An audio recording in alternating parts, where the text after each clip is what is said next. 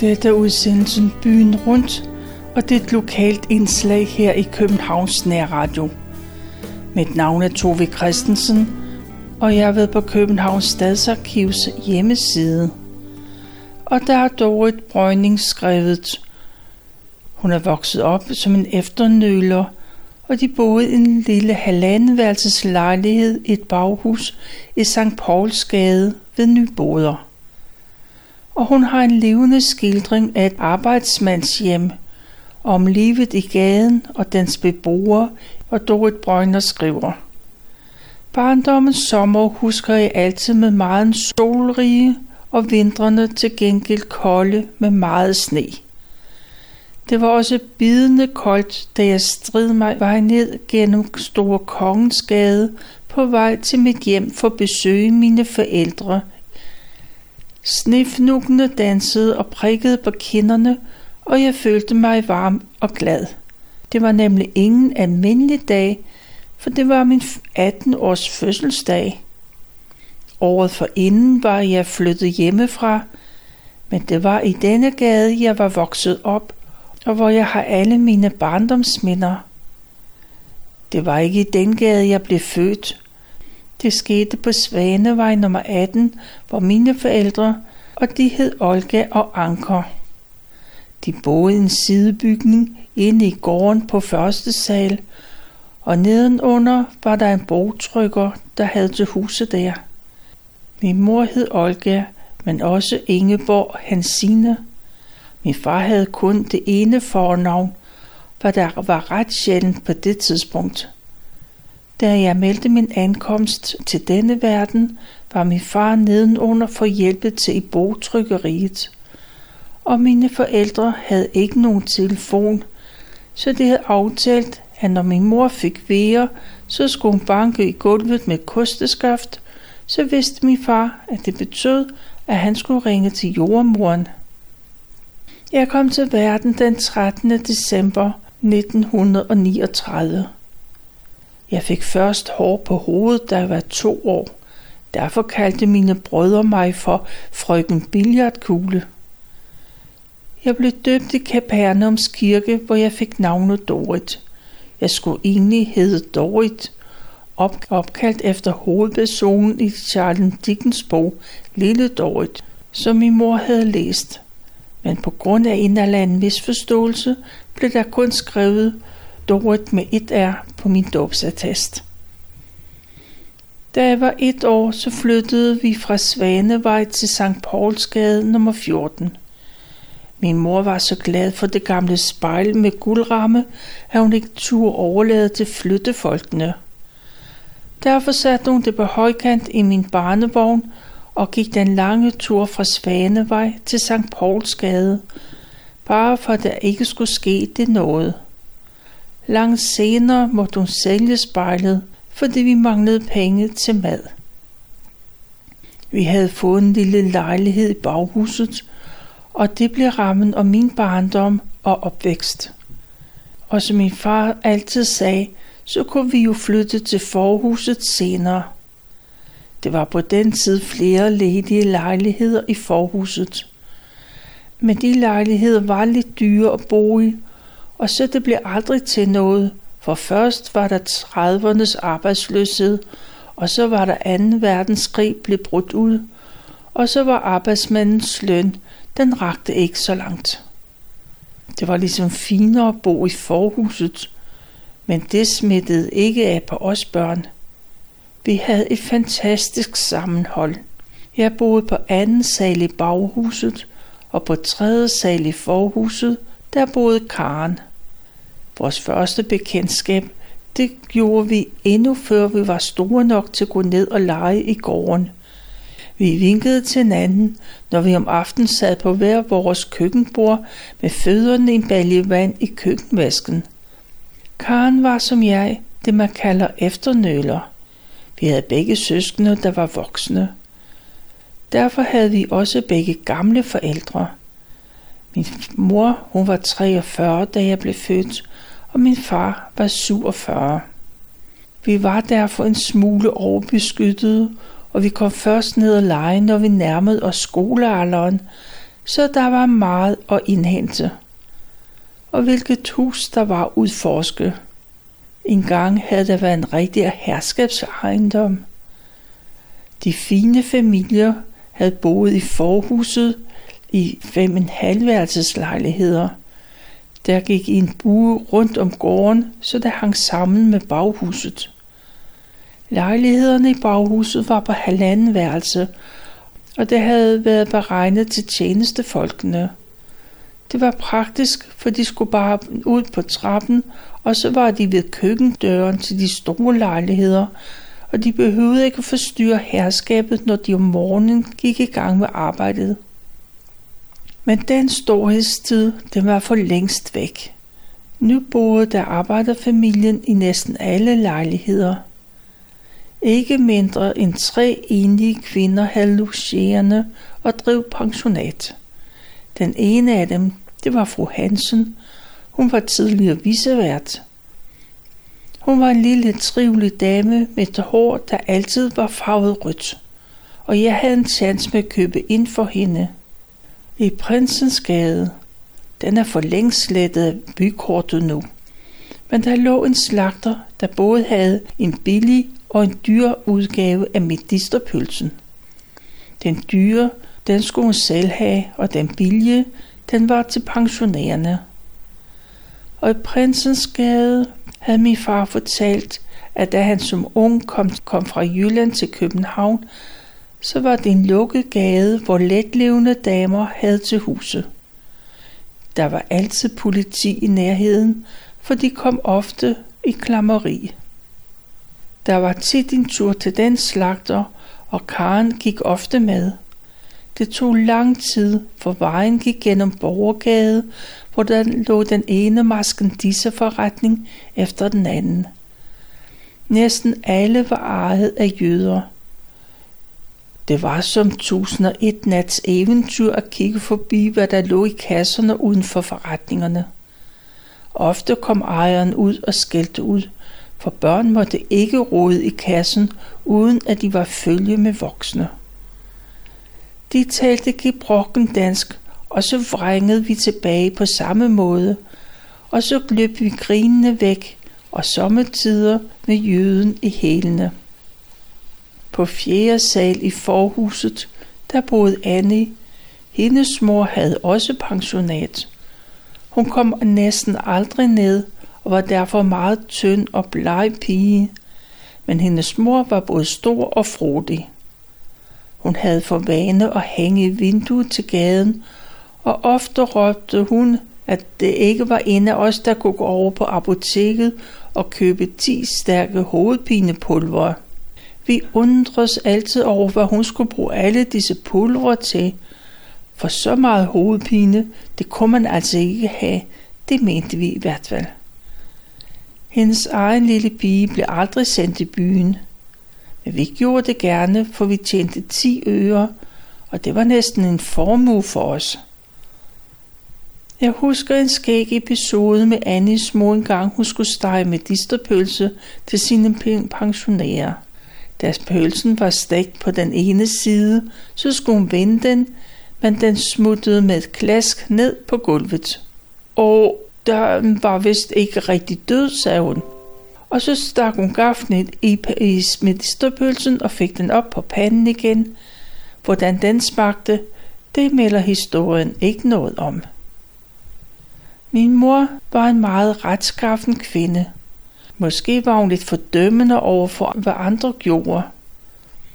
Men hele sit liv havde hun slidt hårdt med storvask og rengøring for fremmede, og som barn havde hun arbejdet i roemarkerne på Lolland sammen med de polske roepiger, som man værvede for sæsonen i begyndelsen af det forrige århundrede. Det vigtigste i tilværelsen for hende det var at passe hjem og børn og mand, og dertil kom, at det galt om at være anstændig og opføre sig ordentligt, og især når man er en pige. Mor var sød ved mig, men jeg husker ikke, at hun nogensinde har kysset mig eller givet mig et kram. Det brugte man ikke i hendes barndomshjem, og hvor der var mange børn. Derimod kan jeg huske, at hun satte sig med sine ben lagt over kors, og så vippede mig op og ned med den ene fod. Det synes jeg var dejligt. En anden ting, jeg var meget glad for, det var, når min far tog mig op på den høje skulder og løb rundt om spisebordet med mig.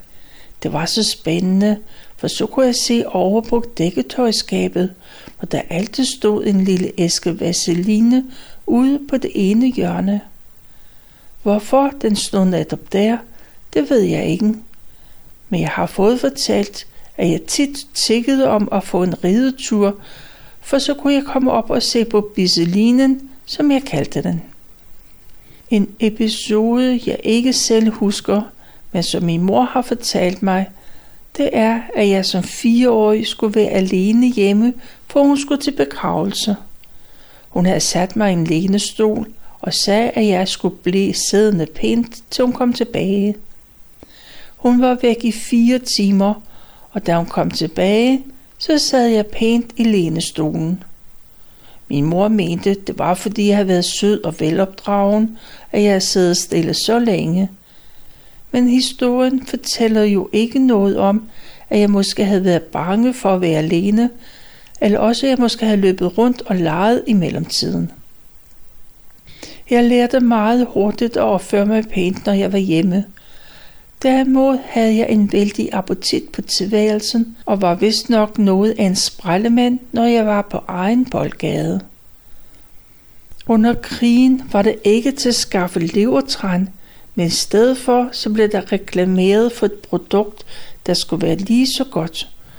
I sporvognen hang der et skilt, hvor der stod, blev solskinsbørn. Og da mine forældre selvfølgelig gerne ville give mig det bedste, så købte de den erstatning. Der skete desværre det, at jeg helt mistede appetitten. Og det viste sig, at ikke alle børn kunne tåle det præparat. Men jeg blev tyndere og tyndere og nægtede det sidst helt at spise. I desperation over min spiseværvring, så løftede min far mig op en dag, tog mig op af den høje barnestol og gav mig en i enden. Men det hjalp ikke. Det var den eneste gang, min far har slået mig. Og til sidst så blev jeg indlagt på kommunehospitalet, hvor jeg langsomt skulle fedes op. Det første lægerne det foreslog, det var, at jeg blev vaccineret mod difteritis. Men da jeg var så afkræftet forvejen, så bevirkede det, at jeg næsten lå hen i en døs. Min far blev rasende på lægerne, og de måtte erkende, at det havde været ubetænksomt at vaccinere mig i den svækkede tilstand, jeg var i. Men jeg kom her heldigvis hurtigt, så jeg kunne komme ud og lege på hospitalets legeplads. Men jeg måtte ikke få besøg af min mor, og min mor savnede mig, og hun havde fået lov til at stå ude i et lysthus, hvor hun kunne se mig lege, uden at jeg vidste det. En dag fik jeg øje på hende, og selvfølgelig ville jeg løbe hen til hende, men det måtte jeg ikke. Jeg kan huske endnu, hvordan to sygeplejersker slæbte afsted med mig, hvis jeg strittede mod og hylede og skreg. Og Dorit Brøgning, hun glæder sig over, at sådan er det ikke længere på hospitalerne. Og så fortsætter hun. Jeg fik to difteritis vaccinationer, mens jeg lå på hospitalet, men jeg skulle have haft den tredje. Så da jeg kom i skole, så måtte jeg hele turen om igen.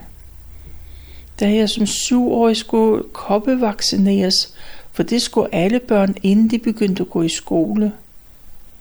Det foregik på Serum Instituttet. Jeg husker ikke så meget af selve vaccinationen, men derimod, at der stod en stor kurv med flødekarameller, som man måtte tage af, når det hele var overstået. Jeg blev aldrig kalmettevaccineret mod tuberkulose, hvilket min mor måtte høre meget for.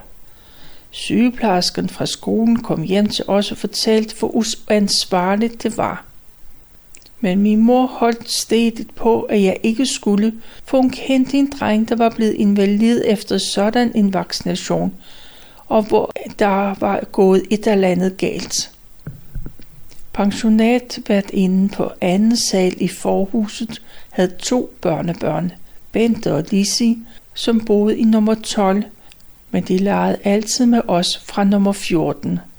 I baghuset i stuen boede Heinrich, og det var et kapitel for sig. Heinrichs mor var en lille forslidt kone, der havde rengøringsjob i køkkenet hos Nimp.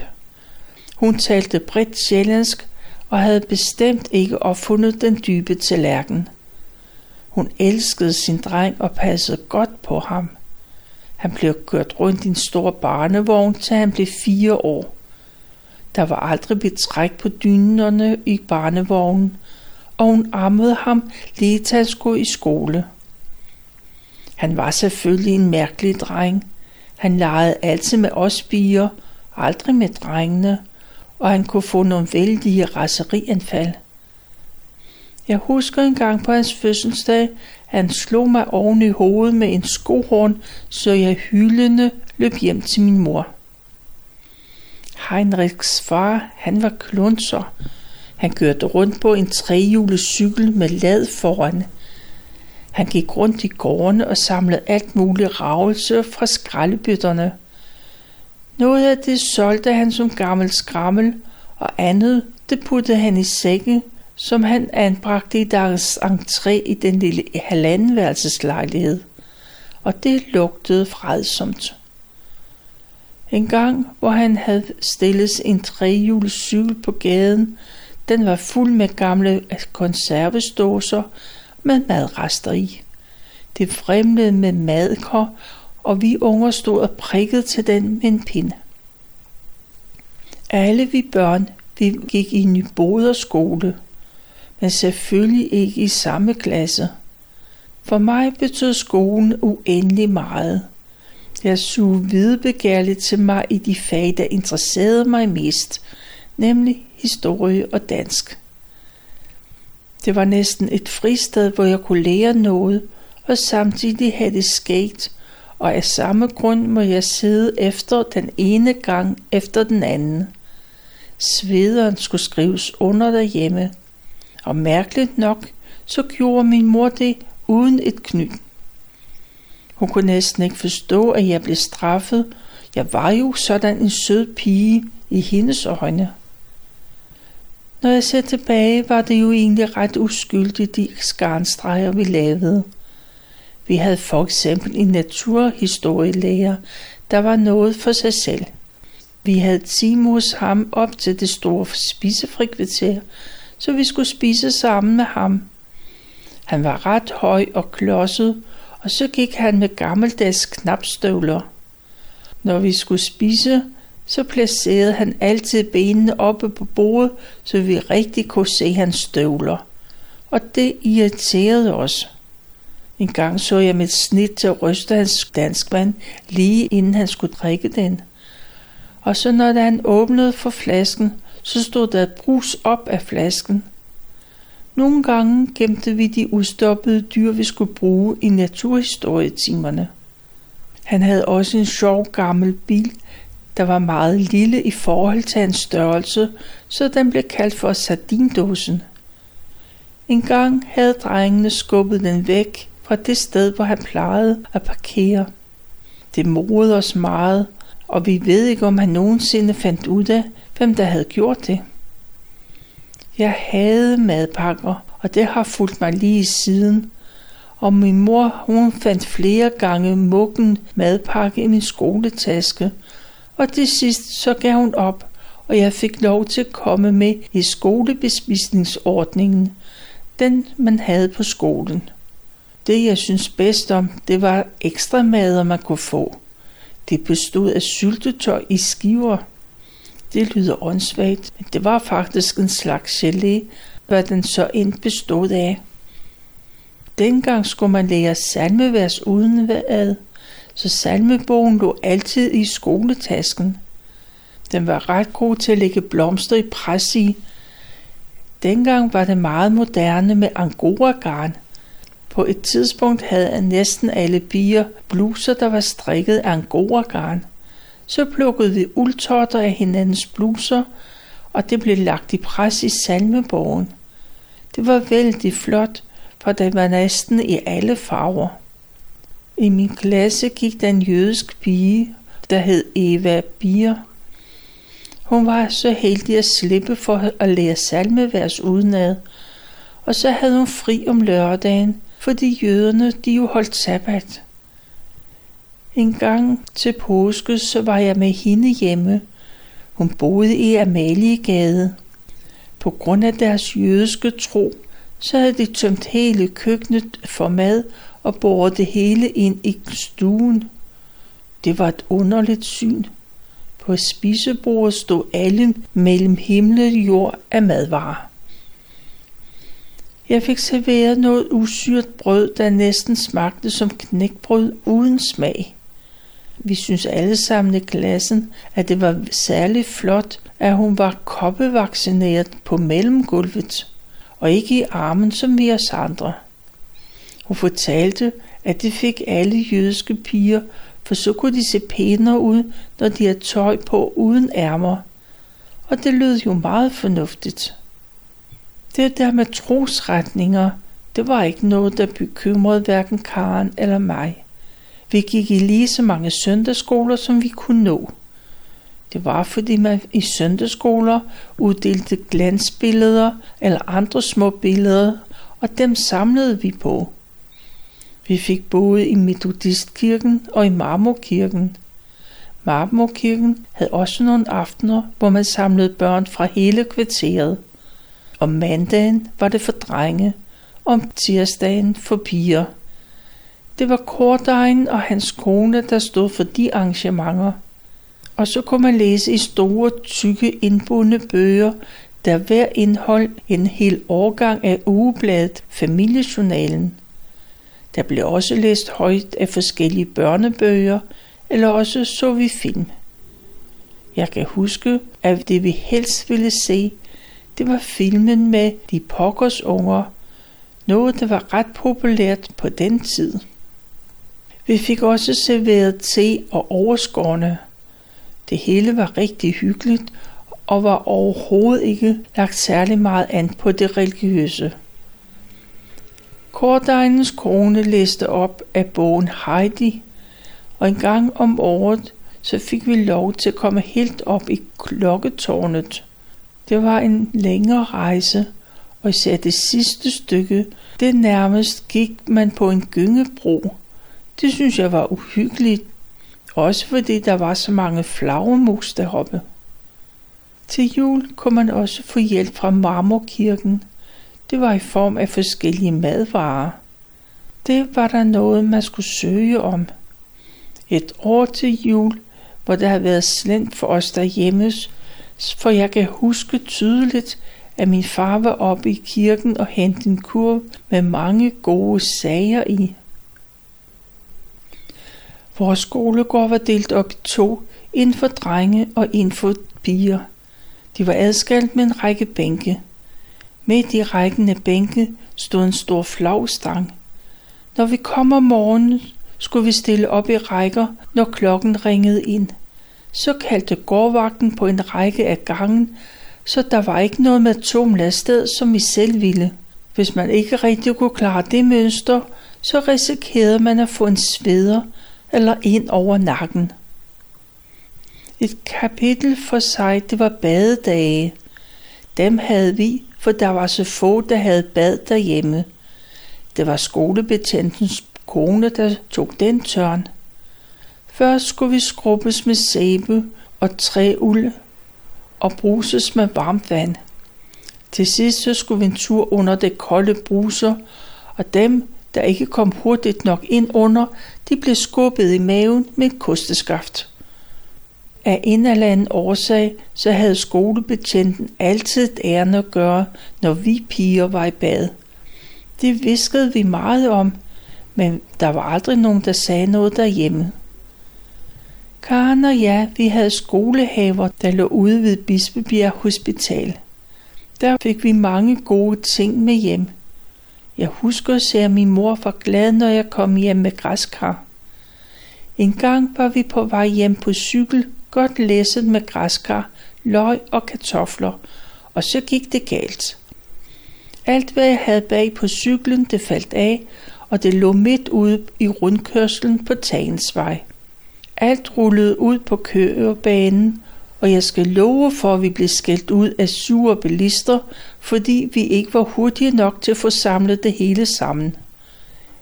En gang kom jeg hjem med en buket fuld glemmer ej. Senere på aftenen så jeg, at de var blevet smidt i skraldespanden. Det kunne jeg ikke forstå, men så fortalte min mor, at det var, fordi hun havde fået en lille pige tre år før jeg blev født, men barnet var dødt som ganske spad. Og hendes lille kiste havde været smykket med netop den slags blomster, så hun kunne ikke holde ud at se på dem. Det blev jeg meget ked af, for jeg havde aldrig hørt om den lille søster før. Blomster var der i øvrigt ikke råd til at købe i de små arbejdshjem, men vi børn, vi kunne råde bod på det. Der lå nemlig en stor blomsterforretning på hjørnet af Store Kongensgade og Esplanaden.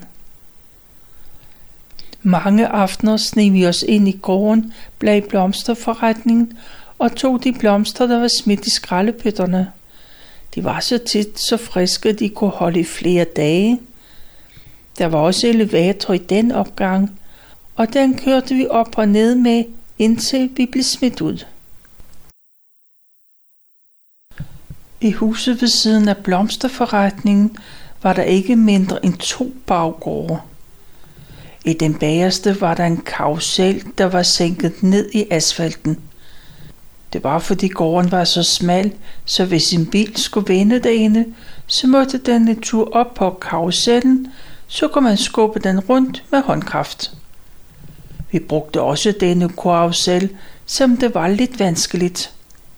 Det foregik på den måde, at man satte begge hænder ned på karusellen, mens man holdt benene ud på den faste asfalt. Vi skulle helst være mange, der gjorde det på samme tid, for så kunne vi skubbe og få så meget fart på, så vi kunne springe på og få en tur. Det måtte have set skægt ud, når vi fik gang i den, for vi indtog nærmest en stilling, der så ud som en kat krummer ryg, for karusellen var helt nede i plan med det øvrige gårdsplads. En anden af vores store fornøjelser, det var at hinke på gaden, altså på kørebanen, hvor der var brosten. Der kom ikke ret mange biler, men da store Kongensgadens politistation lå lige for enden af gaden, så kom der af og til et salatfad susende, så måtte vi springe ind på fortorvet. Så løb vi straks hen til politistationens gård og ventede på, at salatfadet skulle komme tilbage, for så vidste vi af erfaring, at de havde hentet en urolig person fra et af de nærmeste værtshuse i Borgade eller Adelgade.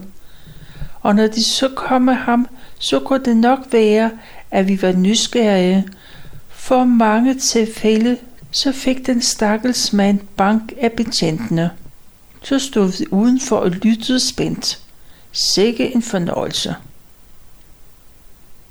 Når vi fandt ting som nøgler eller andre små ting, så afleverede vi dem altid på politistationen.